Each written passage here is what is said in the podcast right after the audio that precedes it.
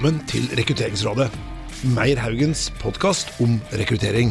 Jeg heter Petter Meyer. Og jeg heter Sverre Haugen. Dette er podkasten hvor vi samler smarte folk for å drøfte hvordan vi kan gjøre rekruttering bedre. Ja, Sverre. I dag er vi så heldige at vi har en veldig spennende gjest i studio. Ja, eh, og nok en gang så er det en prat som vi har gleda oss til. Absolutt. Og det er Bjørn Solen. Og han er partner, salgsdirektør og sjef for executive coaching i AS3. Velkommen til deg. Takk for det. Takk for det. Og du, for å si det sånn, du er det jeg vil si er kanskje den mest erfarne personen når det gjelder executive coaching og outplacement i Norge, eller tar jeg munnen for full da? Eh, ja, executive coaching, eh, men outplacement-delen den eh, har jeg iallfall jobbet siden, med, siden 1999. Så da får jo noen ringe inn til dere en eller annen gang og så si at det stemmer ikke. Men i hvert fall så har jeg lang erfaring. ja, så Inntil videre så har du den tronen. ja, ok. La oss si det.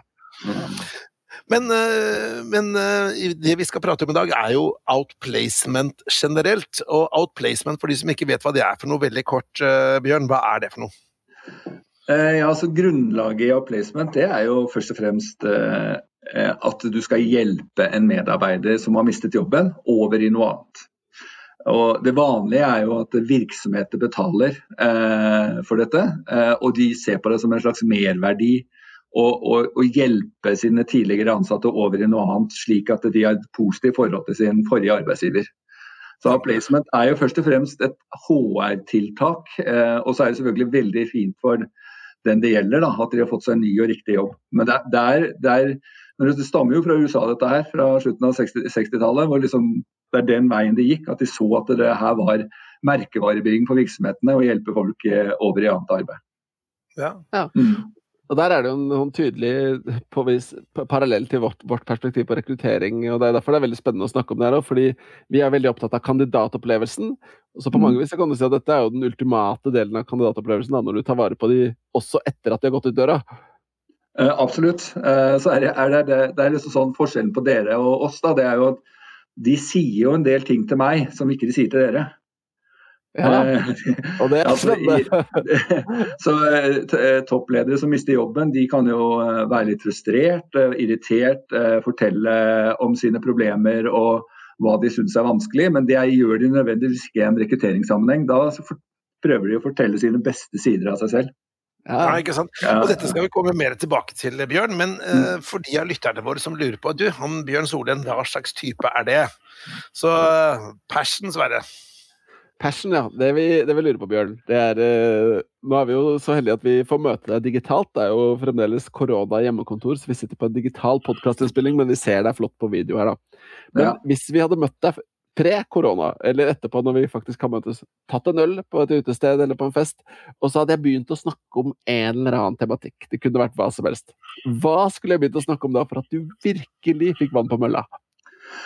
Ja, jeg må jo si det at eh, jeg er veldig glad i skog og fjell og gå tur. Altså, det kan jeg snakke om steder du har vært, eh, steder du skal til. Der kunne jeg tenkt meg å gå, der kunne jeg tenkt meg å ha vært.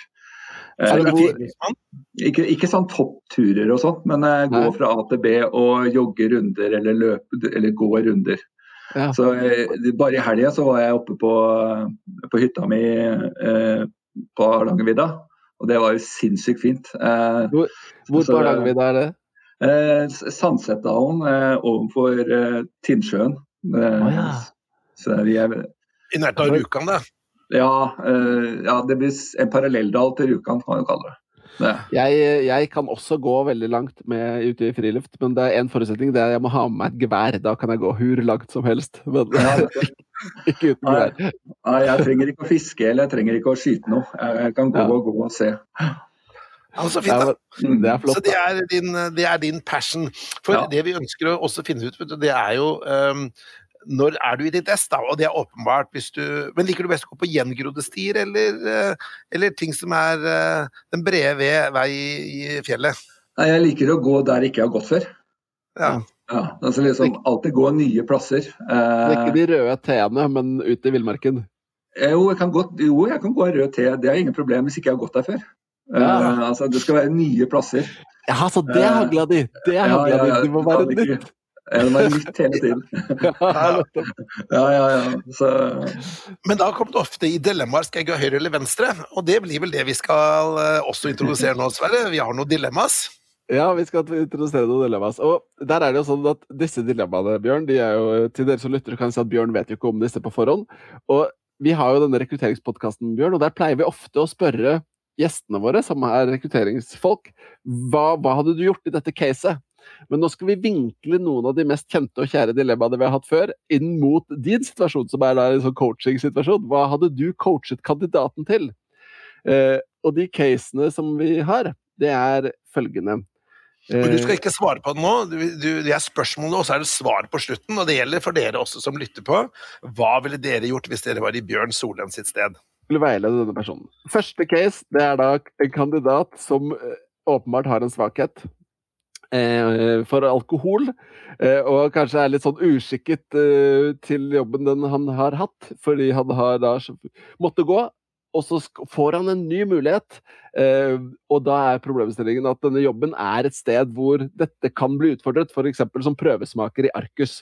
Eh, og du kandidaten har jobbet lenge med å få jobb, eh, og nå er muligheten der, men så er det da det dilemmaet med alkohol. Hva gjør man da som karriereveileder? Det er det første dilemmaet. Det andre dilemmaet, det er Du har en kandidat som skal inn i en jobbsøkerprosess, og så titter du på CV-en, og så står det at denne kandidaten er med i UFO, Norges ufo-forbund. Og han har søkt jobb i Norges Bank og skal jobbe med statistikk og sannsynlighetsberegning i Norges Bank, men han er så tydelig synlig på CV-en sin leder for Norsk ufo-forening. Eh, er det noe du ville adressert som karriererådgiver? Og det tredje dilemmaet da er vi tilbake på den klassiske, og det er eh, at du har en kandidat.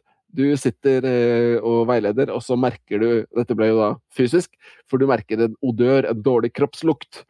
Hvordan adresserer du det på best mulig måte overfor kandidaten? Har du vært borti noen av de her, eller Bjørn? Eh, ikke ufo har jeg ikke vært borti, men alkohol og kroppslukt det har jeg vært borti. Ja. da tar vi det da tar vi det etterpå. Det blir interessant å høre. hvordan det her gleder vi oss til, altså. Ja. Men eh, så dere i, i eh, altså lytter i podkasten, hva gjør dere? Og det kan jo både være en outplacement-sammenheng, men også en rekrutteringssammenheng. Det er jo Problemstillingen er universell og sånn sett. Men jeg tenkte vi skulle gå tilbake til uh, dette her med med um, outplacement. Eh, du sier at dette her er da en, en service som en HR-avdeling gir til personer som skal slutte, eller må slutte, i en bedrift. Mm. Um, hva vil du si, hvis du skulle uh, sagt litt om utviklingen dette her, er dette et nytt fenomen, er det, eller er det, har det vært lenge? Ja, det er jo, Jeg sa jo det i slutten av 60-tallet i USA, tror jeg. Eh, tenker jeg i Norge, er det kommet ja, altså, her? Var det, i, jeg tror det var midten av 80-tallet så var det et selskap som jobba litt med det. Eh, i, i, Norden så kjenner jeg jo ganske godt til sånn totalt sett, så var jo executive coach outplacement det var det som kom først.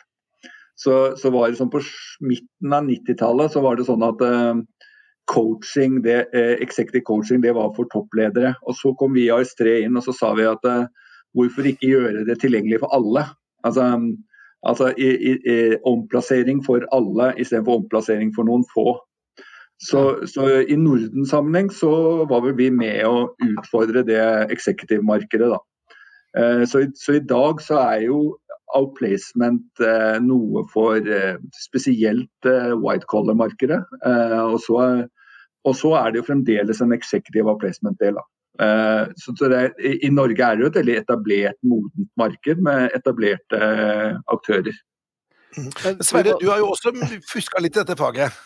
Ja, altså, jeg, jeg har skrevet, uh, skrevet, en bok for jobbsøkere. Den handler om, eller for, for, folk som er i jobbsøkerprosess, er vel det riktige. Så handler det mye om kommunikasjon for jobbsøkere. Så det er jo så, så det er et spennende fagfelt. Uh, og som forfatter så må jeg altså gå inn i etymologien i det her. fordi outplacements, hvis du skal liksom direkte oversette til norsk, så høres det ut som utplassering. Det er jo det du assosierer med ungdomsskolen. Typ. Altså, Hvor kommer navnet fra? Arbeidsuka. Arbeidsuka. Jeg skal på utplassering. Ja. Eh, ja, altså Helt konkret så, så, så, vet jeg ikke, hvis jeg skulle gå tilbake der og sjekka det, men, men eh, i Norge så er det jo egentlig karriererådgivning. Ja, det er det. Eh, karriereveiledning, det er det vi prøver ja. å definere det som. Ja. Uh, mens jobbsøker det blir litt mer sånn Nav-orientert. Uh, ja. Så karriereveiledning og karriererådgivningsbegrepet er vel det mest vanlige norske ja. ordet. Mm. Uh, og så definerer vel via placement litt også som prosessen. Altså at du går inn i en nedbemanning. Hvordan gjør vi det som virksomhet også? Da? Så du går litt lenger inn og hjelper ledere ja. i å hjelpe medarbeidere, f.eks. Ja. Men det kan, jo, ja, det kan, jo, være flere hva skal jeg si, bakgrunner. Man kan jo tenke seg at det er enkeltpersoner som må slutte i en lederstilling, f.eks. Pga. at de av en eller annen grunn mister jobben, altså de øh, som personer. Eller så kan det også være at liksom, store avdelinger eller bedrifter øh, skal flyttes eller nedlegges. Uh, så er det stor forskjell om du er én av én eller én av mange? Uh, i, altså, eh, som en HR-direktør så sier de ofte det at det vanskeligste det er denne low performeren eller denne lederen som er strategisk uenig med styreformannen sin. altså at De må forlate selskapet selv om ikke de vil. Eh, og da forhandler man da sluttpakker eh, og karriererådgivning i en sammenheng. Så ofte, er jo placement knyttet til sluttavtaler. At du, du, får det som en del av det. Det er faktisk ikke sånn tips til HR-folk der ute. Det er jo også å gi mer karriererådgivning og placement og mindre sluttpakker. For målet er jo ny jobb, ikke mer penger, hvis du skjønte den. Ja, ja. Eh, så, så eh, er det jo sånn at eh, det at det er mange som nedbemannes, eh, kan jo være fint fordi du er en del av noe, men du har det like vondt allikevel som enkeltperson. Ja. Så hvis du, hvis du, er ti stykker eh, som går av 100, så kan du kjenne på det at jo, jo, men det, jeg var ikke alene. Men allikevel så har du det fryktelig vondt. Mm. Og Det er jo en sånn grunnleggende del av, av, placement eller karriere. Det er jo å være god til å håndtere folks følelser. For det er noe av det vondeste du opplever, det er jo å miste jobben når ikke du vil miste jobben. Ja. Men hvordan eh. går du fram da, Bjørn? La oss si at eh, Kan ikke du bare dra oss gjennom et litt sånn anonymt case, da? Eh, både i forhold til hva har skjedd, og hva gjør du som en durkdreven fagperson i dette feltet her? Ja, nå kan jeg jo eh, mobbe dere rekrutterere litt. Altså, hva er jeg sier at eh, Forskjellen på en rekrutterer og en karriererådgiver, det er jo at en rekrutterer som leker av placement, han sier ofte at kanskje jeg får se CV-en din litt, så kanskje vi kan finne noen jobber og interessant og masse god bakgrunn her. ikke sant? Det er en god tilnærming.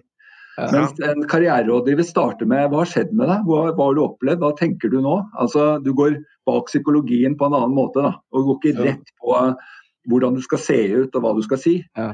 Eh, og Ofte i psykologien knyttet til å miste jobben, vi kaller jo det transisjoner i ASRE, altså den psykologien som skjer i, i det, hos deg, der da har du behov for å snakke om hva du har opplevd, du har behov for å snakke om hva du har gjort, du har behov for å snakke drit om din arbeidsgiver, du har behov for å Eh, eh, fortelle hva du opplever. Du har behov for å bekymre deg. og Det er en del av normalpsykologien når du opplever en tøff forandring. Og Den, den delen der, den, eh, den nok, skal nok karriererådgiveren være verdens beste på. Da. Jeg, må, jeg må spørre, da, siden vi er det sånn at det er nesten sånn ni eller ti av ti ganger så er det inngangen? Altså Er de du, de du coacher, da, er de som regel misfornøyd med exiten sin? Nei, nei, det vil jeg ikke si. Eh, men, men, eh, de har ofte behov for å snakke om hvordan de har det akkurat nå. Eh, ja. Så, så jeg, hvis jeg stiller et spørsmål hvordan har du det akkurat nå, så kan du få svaret som Nei, jeg, jeg syns det er tøft akkurat nå. Er, det er ikke noe gøy dette jeg har opplevd nå. Nå er det korona og greier, og jeg lurer på ja. hva som skjer med arbeidsmarkedet. Men så kan det være noen som tenker at ja, nå fikk jeg en sluttpakke og jeg har sett den komme lenge, så jeg, jeg har allerede to jobber jeg tenker på, og sånn, så jeg er klar. Jeg, så jeg ønsker at du skal hjelpe meg med en intervjutrening. Sant? Så de er mye lenger framme i sin egen ja. rekrutteringsprosess, da, hvis man kaller det. Og så føler jeg jo nå, siden vi er på bånn, så må jeg få lov til å kommentere. da, eh, fordi jeg vet jo tilfellessaken er jo ute i den store verden der, er jo at det er som du sier. Det er ofte denne rett på CV-en hodejegere gjør. ikke sant? Petter, du har jo nevnt tidligere, du har vært i prosesser til viktige, store stillinger med godt over en million i lønn sju-åtte intervjuer, og ikke én gang så er det noen som spør hva er viktig for deg. Petter. Men det er jo litt, bare så det er sagt, det er vi veldig imot. Vi, vi jobber veldig for å gå inn bak, bak personene, eller på innsiden. Ja. Mm. Absolutt. Men, men jeg, jeg syns denne tilnærmingen din hva skal jeg si, er veldig sånn kandidat- eller personfokusert. da. At, jeg husker i hvert fall, jeg har jo jobbet i A-etat i Arbeidsdirektoratet Uh, Jobba med arbeidsmarkedspolitikk på, liksom, på nasjonalt nivå. Uh, og da husker jeg jeg fikk tips av noen å si at hvis noen har mista jobben, da, så er det jo veldig mange som sitter med bitterhet da, i forhold til det der, og det er jo fair. Men bare for å ta den ned, så sier man at ok, det kan være andre sin skyld at du har mistet uh, jobben, men det er ditt ansvar å komme videre. Uh, for det er ofte mange kommer jo ikke videre, for de, de er fulle av De ser for mye i bakspeilet, da i forhold til å se framover. De er for opptatt av det som er skjedd. De klarer ikke å komme videre av det, da. Absolutt. Styrken i, i, det å være en god karriereråder handler om å få fram følelsen slik at du kan bevege deg framover. Så hvis, ja. du, hvis du liksom får lov til å være litt irritert, så kan jo rådgiveren si at men hva tenker du å gjøre med det, hva, hva, hva er din tilnærming framover? Um, så, så, så, du trenger psykologisk sett å, å få lov til å, å, å ha emosjoner knyttet til, til, oppsigelsen din, eller at du må slutte, ja. slutte et sted. Men, men, så er det jo da teoretisk sier man da at hvis du er god på det, så går du fortere framover og begynner å snakke om hva skal jeg egentlig gjøre med livet mitt, hva skal jeg egentlig bli når jeg blir stor, eller hva skal jeg egentlig være min neste beste jobb. da. Mm. Først bare få lov til å beklage hvis det er litt dunking i bakgrunnen. Jeg vet ikke om dere hører det, men det er noen byggeprosjekter. Det er ulempet med hjemmekontor. Eh, men så hadde jeg et spørsmål til deg, Bjørn. Uh, når vi jobber med veiledning, eller jeg jobber med veiledning og kursing og sånt, og, og snakker med folk, for vi ender jo fort opp i coachingsituasjoner med ledere og spesialister, vi også, så, så, opplever jeg at det å få en jobb, det handler om Det er liksom ulike problemstillinger, da. Det ene er å finne ut hva vil jeg nå? Hva gjør jeg nå? Liksom det der veivalg, retning. Så har du en, en, annen helt separat problemstilling, er jo det med å finne ut hvor er den jobben jeg kan søke på. Altså finne en mulighet, enten via nettverk eller annonser eller hva det nå skulle være. Så er det tredje, som er hvordan får jeg den? Altså kommunikasjonen i selve jobbsøkerprosessen. Fordi denne boka jeg har skrevet, handler jo mest om det tredje, ikke sant. Men så har jeg oppdaget da, at disse to første er jo super, eh, superstore og viktige problemstillinger. De du coacher, hvor er det vanligst at det er utfordrende? Er det på én, to eller tre, eller er det andre steder? Eh, jeg, syns du eh, hopper over enda en, som er før de tre du foreslo. Det er hva kan jeg? Ja. Altså, eh, for det er veldig mange eh, medarbeidere og ledere er veldig dårlige på å få fram hva de kan. Ja. Så, så, ofte så er, det, er, det, viktig for en rådgiver å få fram kompetansen til hver enkelt og få synliggjort den. Uh, mye av kompetansen er ubevisst. Så jeg vil si at Det er den første utfordringen. Den andre utfordringen det er å få folk til å tørre å ta retning. Hva er det jeg egentlig vil? Hvordan skal jeg ja. satse den veien? Um, og, og, og, tørre å be de sile. Tørre å, å, og vise vei. da. Og så er det ja, vise retning. Og så mener jeg at den største utfordringen til alle karriererådgivere i AS3, eh, det er jo salgsdirektørrollen. Altså at du må få medarbeideren til å virkelig begynne å ta fatt og begynne å gå ut og møte mennesker og si hei, jeg har et godt budskap, jeg kan en del, jeg vil gjerne møte deg og deg og deg. Altså, så, så, så, så, rådgiveren endrer rolle fra det å være en, en empatisk lyttende person som får fram kompetanse, til å hjelpe dem å ta valg. Og så må du da begynne å være salgsrollen hvor du virkelig setter krav til aktivitet. Da.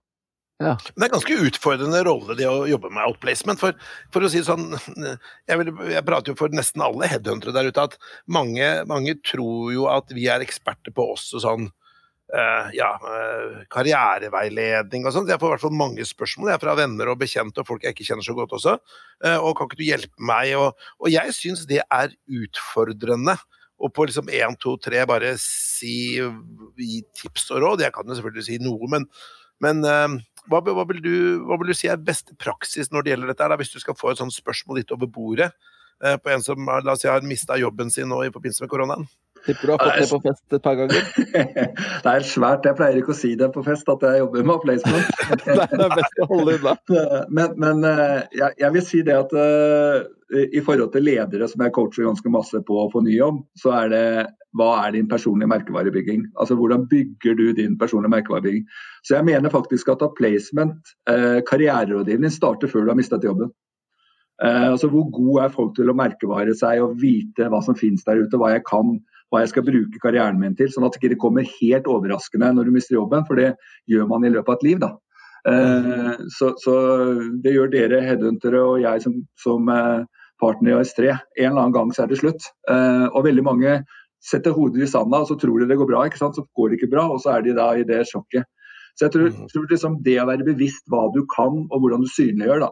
Og den, den store trenden som dere òg er med på, det er jo sosiale medier. ikke sant? Altså, hvor god er du på å bygge karriere på LinkedIn?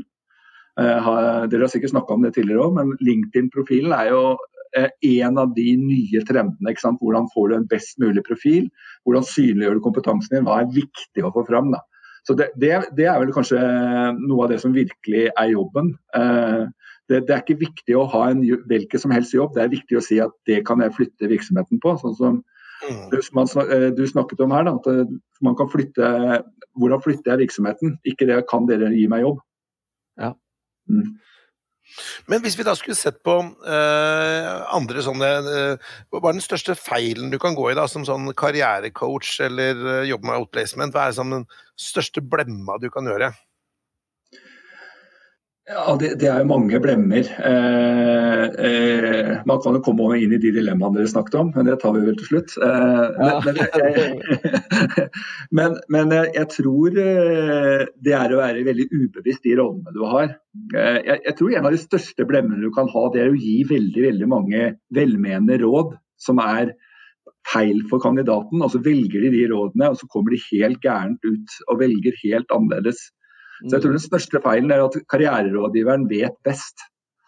Ja. Altså at eh, Det å få den eh, medarbeideren til selv å gjøre valg, det er liksom clouet. da. Ja, ja. Uh, og så er det Den andre feilen det er at man tør ikke å stille krav. altså Man tør ikke å utfordre. Så På direktørnivå så er det hver gang de er fornøyd med meg når de har fått seg ny jobb, så er det at jeg likte spesielt når du utfordret meg. Og det, det er jo ofte litt ubehagelig, for de er jo ikke akkurat de er ikke alltid fornøyd med å bli utfordret, men det er det som flytter dem. Ja. Ja. Men, men utfordrer dem på hva da, måtte jeg på å si? Eh, ja eh, Hvis jeg spiss, Nå spissformulerer jeg meg litt, men eh, den hytta di, den, den råtner ikke. Men jobben der ute, det må du gå ut og hente. Altså, altså ja. du prioriterer eh, helt feil. da. Eh, litt mindre tid på hytta, litt bedre tid i jobbsøkermodus? Ja, f.eks. Eller, eller at du eller at du må tørre å gå ut, tørre å møte mennesker. At du blir for introvert i formen. Da. Altså At du, du, du, tror jobben kommer, så du holder deg for mye til det formelle stillingsmarkedet. altså Finn.no, og du sitter der og venter, mens egentlig så er det proaktive rollen som er viktig. og Det, det er alltid et uh, ubehag for, uh, for jobbsøkeren, uh, direktøren og medarbeideren å gå den veien og tørre det. Men har du, altså, hva skjer hvis disse du veileder ikke gjør, ikke gjør det, da? Hvis de fortsetter å være på hytta? Eh, er det sånn at du har liksom solgt, solgt, dette med en garanti om at du skal få dem ut i jobb, eller hvordan funker det? Nei, altså, jeg, jeg, kan ta et eksempel som er 100 år siden. Eh, og Den personen husker det sikkert ikke. Eh, men det, det, er jo en person som var veldig ung. Som fikk en ganske stor sluttpakke, og som reiste på det var før korona, dette her, så han reiste på, eh, på, fjellet og sto på snowboard i fire måneder. Og jeg fikk ikke tak i han. Men da måtte jeg jo bare si at det er ditt ansvar. Du må gjøre hva du vil med livet ditt, men jeg kan iallfall advare deg på at det blir vanskelig for deg å, å, å, få en ny og riktig jobb hvis ikke du jobber aktivt for å få det. Ja. Men gir dere garantier, da? holdt jeg på å si. Sånn, la oss si at du har en bedrift da, som, som uh, har noen personer som er overtallige, og så, når dere da skal selge dere inn til en arbeidsgiver, for dere er også i en salgssituasjon, dere skal også selge produktet deres, så sier dere at vi garanterer at den personen kommer i mål, eller hva, hvordan er det liksom Mange kunder spør jo om det, hvor mange får du i jobb? Uh, så jeg, bare ser, ser, på deg, Petter, at hvis jeg skulle fått deg i jobb uh, hvis Det er umulig. Han har vært oppoverbakke, veit jeg. Så, ja, så hadde jeg ikke sagt at jeg, jeg, skal love deg jobb innen tre måneder, for da hadde du skjønt at det er ikke mulig. Uh, for det, det, er jo opp til deg selv også, sant. Jeg kan jo ikke ja, love noe som er opp til deg selv. Men eh, statistisk sett så Jeg vet ikke hva det var når du jobbet i, eh, i A-etat eller i direktoratet, men jeg, jeg, tror sånn statistisk sett så får jo god del folk jobb etter tre måneder i Norge. Ja, det, det, vi så i hvert fall i Arbeidsdirektoratet, hvert fall når vi kjørte jo masse statistikk på det både nasjonalt og internasjonalt, var at det, uh, de tre første månedene er helt avgjørende mm. i forhold til å komme i jobb. For det, det vi så en sånn markant, og det var også internasjonale studier, at etter tre måneder så daffer folk av veldig i den eh, kampen om ny jobb. Eh, for det er en kamp. Eh, mange som tenker at å, nå skal jeg pusse opp hytta, nå skal jeg være på hytta, nå skal jeg kjøre snowboard. Det er eksempler å bruke. Det er mange som kjenner seg igjen i det. Og så liksom, plutselig kommer det en sommerferie, så kommer det en påskeferie og en juleferie, og så, plutselig er disse disse datoene for dem, når den pakka går ut, da, hvis det er det de har, så går, kommer de veldig raskt. Og det vi ser er at de første tre månedene, så hvis du ikke kommer du deg ikke i jobb innen de første tre månedene, så er det noe med psykologien din som sier at eh, da blir det veldig vanskelig å, gjøre det etter det. Ja. Jeg, jeg bare, altså når HR-redaktøren spør meg da, Bjørn, eh, vi vil gjerne kanskje bruke dere, men hvor mange får du jobb? Så sier jeg at uh, du får ikke noen prosenter av meg, for det avhenger av bakgrunn, initiativer, uh, arbeidsstyrke og form. Men vi kan jo snakke noe om hvordan vi rapporterer inn. Så, så Hvis jeg var eh, en leder eller direktør, så ville jeg jo sagt om hvordan vet vi at folk får seg jobb, og hva er, hva er prosessen bak. Altså, prosessen hos oss er jo knyttet til at lederen og medarbeideren eller lederen og virksomheten selv kan gå inn og se sin statistikk hos oss. Eh, og så kan jo jeg som selger si det at jeg får alle jobb. Det er jo ingen som kan dobbeltsjekke det på meg. Men vi, vi har en prosent som ligger mellom 87, 88 og 91 på seks måneder. da, så Den vanlige seksmånederen. Mens på toppledere så, så, ligger den ofte mellom eh, syv og åtte måneder før de får seg jobb. Altså Det tar lengre tid, for det er færre prosesser, og prosessen er lengre. Så Når dere skal rekruttere en toppleder, så bruker dere lengre tid enn å rekruttere en ekspert. Men det gir ikke noen garantier på at uh, vi tar ikke, tar ikke noen penger hvis vi ikke kommer i mål? Nei, det er ikke no cure, no pay-logikken i outplacement-bransjen. Eh, og det håper vi ikke kommer heller. Nei. men det, det, handler jo litt om at når du, når du signerer en sluttpakke da, som en medarbeider, så, så, sier du at jo, jeg får seks måneders sluttavtale, og så får jeg seks måneder noen som hjelper meg. Men hvis, hvis, det er sånn no cure, no pay, så blir det ofte sånn kjappe salg. Eh, det er noen konkurrenter opp igjennom, det er lenge siden jeg har hørt det eksempelet, men hvor du da får betalt per time. Eh, problemet med det, det er jo at da, da, får du betalt hvis du har folk lenge, for du får flere timer per person. Og Det bør jo ikke være sånn at vi motiveres til å få folk eh, sånn. Eh, så, så, så, det, der, det, der å, eh, det der å ha konseptpris, altså at du betaler for noe. Og så, så, er det sånn at Du får så mange møter du vil i de seks månedene. Noen vil ha mange møter og mye, og noen vil ha få. Noen får fort jobb, og noen får bruke lang tid. Så det å ha mm. forutsigbarhet det er viktig for medarbeideren. Jeg, jeg, tipper at snart så kommer Petter til å si at vi må begynne å gå inn for landing etter hvert og se på dilemmaene. Men jeg vil spørre om én ting før det. Jeg vil være sikker på at jeg rekker det. I jobben din, da, eh, innenfor dette fagfeltet, hva er mest utfordrende? Hva, hva tenker du, jobben min i dag, eller som ja, eller, karriererådgiver? Ja, eller? som karriererådgiver da, innenfor outplacements. Eh, det er å være tålmodig. Ja. Uh, uh, altså, uh, jeg tror jeg er en ganske god utfordrer og en god, og, en god kreativitetsperson. Men det er det der å, å holde de når de har disse emosjonene, og stå i det og være god der, der det er nok min utfordring. Jeg, jeg, jeg, er ikke en typisk karriereveileder. De fleste er veldig gode på det motsatte, nemlig. ja, og nettopp. men hvis vi snur på det, hva er det mest givende, da? Ja, det mest givende er, eh, er, jo selvfølgelig eh, at de har mye gode møter og, og får eh, mange mulige jobbtilbud innenfor de aktivitetene vi har gjort. Da. Ja. Og så liksom dele den gleden da, med denne lederen som har fått denne jobben. Det er, det er, det er virkelig givende. altså. Det må jeg si. Ja. Men du, eh, nå, nå, skal vi snart gå inn for landing, eh, Sverre. Men jeg har lyst til å, før vi går inn på disse dilemmaene, da. Så hvis du skulle gitt tre gode råd, eh, Bjørn, til en person som sitter nå ute og har blitt permittert, og du er ganske usikker på om du kommer til å komme tilbake for bedriften. La oss si du jobber innen reiseliv, eller du jobber innen et eller annet sånt noe, som, som har fått seg en midt på snuten av koronaen her.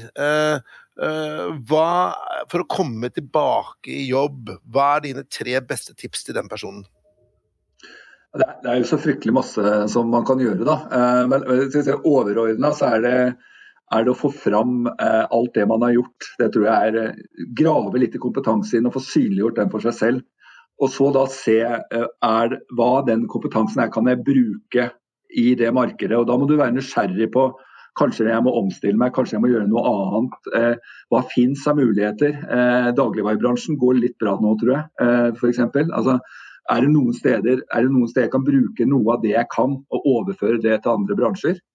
Og så er det siste det er å ut og møte folk og, og det, ha det jeg kaller nettverksidé. Ikke si 'har du jobb til meg', men du, jeg har noe spennende jeg lurer på, jeg vil gjerne høre din mening om det. Altså, Gå ut og møte mange mennesker og, og få fram din personlighet og din kompetanse på den måten. Det er vel de tre rådene jeg vil kunne gi. Bra. Apropos tre, apropos tre gode råd her, så har vi da tre dilemmaer. Sverre, vil du repetere dem både for Bjørn og for lytterne våre? Ja, da tar vi det ett et for ett. Du skal få lov til å svare, svare for hvert dilemma. Første er da La oss si at case er du jobber med å veilede en person. Eh, ikke via kandidaten selv eller personen selv, men via arbeidsgiver eller andre kanaler, så har du fått, fått nuss om at grunnen til at vedkommende må slutte, er alkoholproblemer. Og så dukker det opp, eh, etter lang tid, endelig en mulighet, og det er da som prøvesmaker i Arkus. Eh, sånn at eh, etisk sett så kanskje det kan være et potensielt dilemma. Hvordan håndterer man det som, som karriereveileder? Og kandidaten har ikke sagt fra til deg selv, da. Ja, altså, så, så jeg vet eh, at kandidaten eh, sliter med alkohol, og så er det arbeidsgiver som eh, hva, eh, altså, det, det er, For meg er det jo ikke et dilemma hvis jeg vet jeg skal gi et godt råd til arbeidsgiver. Det er jo ikke ansatt denne fyren. men det er kanskje ikke det som er dilemmaet. Nei, til kandidaten. Hva råder du til kandidaten? For da har kandidaten fått en mulighet eh, til eh, den, den jobben. Ja, fordi jeg har, jeg har, flere kandidater opp igjennom som jeg har fått beskjed av arbeidsgiver. Han må ikke finne på å gjøre det og det. Nei. Eh, men så lenge kandidaten selv syns at dette er en god idé, så skal jeg støtte han i det. Så får han jobbe ja. med sin Kanskje gå på noen AA-møter etterpå. ja, okay. ja. Så du er 100 så hemmeligheten ligger i å ha den tillit, få den tillitsrelasjonen, da, så du kan ha den tette dialogen med kandidaten om det. Eh, det er veldig ja, relevant. Ab absolutt. absolutt. Men, men uh, det er, det er, det er også, altså, i en sånn AS3-tankegang så, så, er jo ikke vår jobb å fortelle arbeidsgiver om den er god eller dårlig. Det er for så vidt deres jobb. Vår jobb er å få medarbeideren til å overtale arbeidsgiver til å si at han er den beste. Ja. Selv om du kanskje både tror og vet at dette ikke kommer til å gå spesielt bra? Nei, Da vil jeg jo ta en uh, diskusjon med vedkommende om uh, uh, hva, hva er som får deg til å ønske denne jobben, og vil det være bra for deg. Og Da vil jeg jo kanskje si et råd at du vil jo slite litt med å stoppe alkoholinntaket, men mm. det må jo du kjenne på selv. Ja. Det må være et individuelt ansvar. Vi kan ikke gi et råd om at det må ikke du gjøre eller ikke gjøre. Nei. Bra. Og så har vi Nummer to, ja. Det jo, dette er jo et case som eh, Petter har vært borti, tror jeg, eh, live. Uh, og det er jo da at du har en stjernekandidat inn til en stilling hvor det er veldig viktig at du er rasjonell, og at det er statistisk informasjon osv., og, så videre, og så står det på CV-en da uh, leder for Norsk ufo-forbund. Som, som, veileder, vil du råde personen til å ta dette bort fra CV-en, eller hva, hvordan håndterer man noe sånt? Det er jo liksom litt Jeg tenkte litt på den der, for at du du kan i kompetansesammenheng ha noe ledererfaring knyttet til å være leder for ufo-divisjonen. eh, og du kan jo synliggjøre det. Eh, og så er, det klart at eh, du skal jo lage en CV som får fram det beste i deg, og som arbeidsgiver vil ha. Da ville jeg jo holdt meg unna den ufoen hvis Statistisk sentralbyrå er litt skeptisk til de folka. Ja. Eh, så, så, så, men det kan jo hende at, eh, at, rekruttereren og denne daglige lederen også er med i samme klubb. Da. Og da er det kanskje viktig å si det. Ja, for det er litt morsomt. Du, nå, er, du er nærmere fasiten enn en, du vet. For jeg hadde akkurat dette caset her for eh, Dette er en del år siden, så jeg skal ikke nevne det, men da var det en person som var medlem i UFO Norge. og og jeg gjorde jo arbeidsgiver oppmerksom på det og sa at ja, men det er helt greit, for jeg tror også på ufoer. Så eh, det var, eh, det, var, det var, ikke noe problem. Men når det gjelder ufoer, så er jo det litt mer sånn at det, eh, jeg tror ikke på ufo, jeg, men I don't know, da. Det er jo en ting som ja, det kan hende at det vet jeg. Men dette her er, det er ikke noe tvil om at ufoer fins, for ufoer står jo bare for uidentifisert flyvende objekt. Så det er klart det fins ja. noe som er uidentifisert, men spørsmålet er ja, om det er extraterrestrial life. Det er det ja, ja, ja, ikke sant. Det er sånn det vil man forbinde sånne grønne menn eller sånn, ja. ja, OK. Eh, så du eh, ville kanskje råde personen til å ta det vekk, da, hvis det er en arbeidsgiver som kanskje ikke var så mottakelig? Ja, nettopp. Jeg vil absolutt råde til det. Uh, og det er, jo, det er, jo, en karriererådgivers uh, viktigste oppgave. Det er å få fram det beste med personen. Uh, og da er det ikke nødvendigvis det beste med personen å si at du er en del av en ufo-gjeng. Men, men, Bjørn, jeg kom på det nå. Vil du si at du er en arbeidssøkers forsvarer? Altså du tenker en forsvarerrolle, da. En person som um, du, du, skal jo forsvare den personen, selv om du mener han kanskje sitter på med litt dårlig kort på hånda, både personlig og sånn, så vil jo du på en måte alltid trekke fram det aller beste hos den personen og se på muligheter. Ja, i, den forstand, I den forstand, En forsvarer han skal jo si hva som er galt eller riktig, men min jobb er å få vedkommende til å se best mulig ut og argumentere best mulig for å få jobben. Min ja, jobb er ikke selv om det er å Nei, vi, vi, har et uttrykk av i sted som heter sant sant, helt sant, sant og ikke sant. Ja. Eh, og når du er i en rekrutteringsprosess, så, så, så, er det ikke alle helt ærlige hele tiden. Så det, er det, er du, det, er hva du forteller og hva du ikke forteller. Så det at du forteller at du ikke er med eh, i en ufo-gruppe, det forteller jo ikke at du ljuger og sier at du ikke er det, du bare forteller ikke om det. Nei, du har ikke informasjonsplikt om det. Nei. det kan være, ja. Ok. Tredje dilemma, Sverre. Tredje dilemma, da skal vi Det hørtes det ut som du hadde vært borti, skjønte jeg, som tidligere i praten vår. Men uh, kroppslukt. Dårlig kroppslukt. Uh, du skal shippe av gårde en kandidat ut på noen intervjuer, og så merker du at her er det dette, dette bokstavelig talt stinker jo. Hva gjør man da? Ja, altså Det har vært borti alt. Alt fra alkohollukt til kroppslukt til dårlig hygiene til uh, til stell deg og kle deg skikkelig. Altså, men, men hvor, eh, måten vi løser det på, eller jeg løser det på, det er å ta en eh, første praten jeg tar. Da sier jeg alltid at det du skal vite gjennom denne uh, coachingen, det er at jeg skal være ærlig og åpen med deg. Det jeg ser og tenker, det tar jeg opp med deg, alltid i beste mening. Så når jeg kommer ja. til den situasjonen hvor det lukter uh, veldig, og du skal på intervju, så henviser jeg til første samtale så sier jeg husker du den gang vi snakket om det. Nå er det kommet til en sånn situasjon hvor jeg skal være åpen og ærlig med deg. Og jeg har, eh, Hvis du ikke gjør noe med den kroppsdrakten, så får du deg ikke jobb. Du ja. må ta deg en dusj og stelle deg eh, og kle deg skikkelig, for ellers så går ikke dette bra. Så det, det For meg er ikke det et dilemma i det hele tatt, fordi du har tatt forventningsavklaringen i utgangspunktet. Men jeg tror dette er en uh, god tilbakemelding uh, som man kan ta med seg inn i mange situasjoner i livet. Ja. Sånn uh, inn i ekteskapelige forhold og andre ting. Altså, når det skjer, så kommer jeg til å si fra. Og så når du da sier fra, så er, det, så er det litt lettere, da, kanskje. Da har du tatt brodden av det. Bare si at dette er i beste mening. For jeg tenker at alle, eller i hvert fall de fleste, da, er mottakelig for tøffe tilbakemeldinger så lenge du vet at det kommer fra et godt sted. Mm -hmm. Men, men, du, jeg syns dette var usedvanlig spennende, Bjørn. Jeg har jo kjent deg opp igjennom. Har, våre veier har jo krysses eh, faglig sett. Så jeg må bare si at jeg skjønner hvorfor du er eh, veldig ettertraktet i markedet her, og, og at AS3 er en av de virkelige interessante selskapene å kontakte i så måte. Så jeg vil bare si tusen takk, Bjørn. Eh, veldig spennende og veldig lærerikt. Og, og ja, det må jeg bare si. Mye å ta tak i her. Og jeg lener meg på samme tilbakemelding. Bortsett fra at jeg kjenner deg, da. For det gjør jeg ikke. Takk. ja, like måte. Tusen takk for at jeg fikk lov å være med.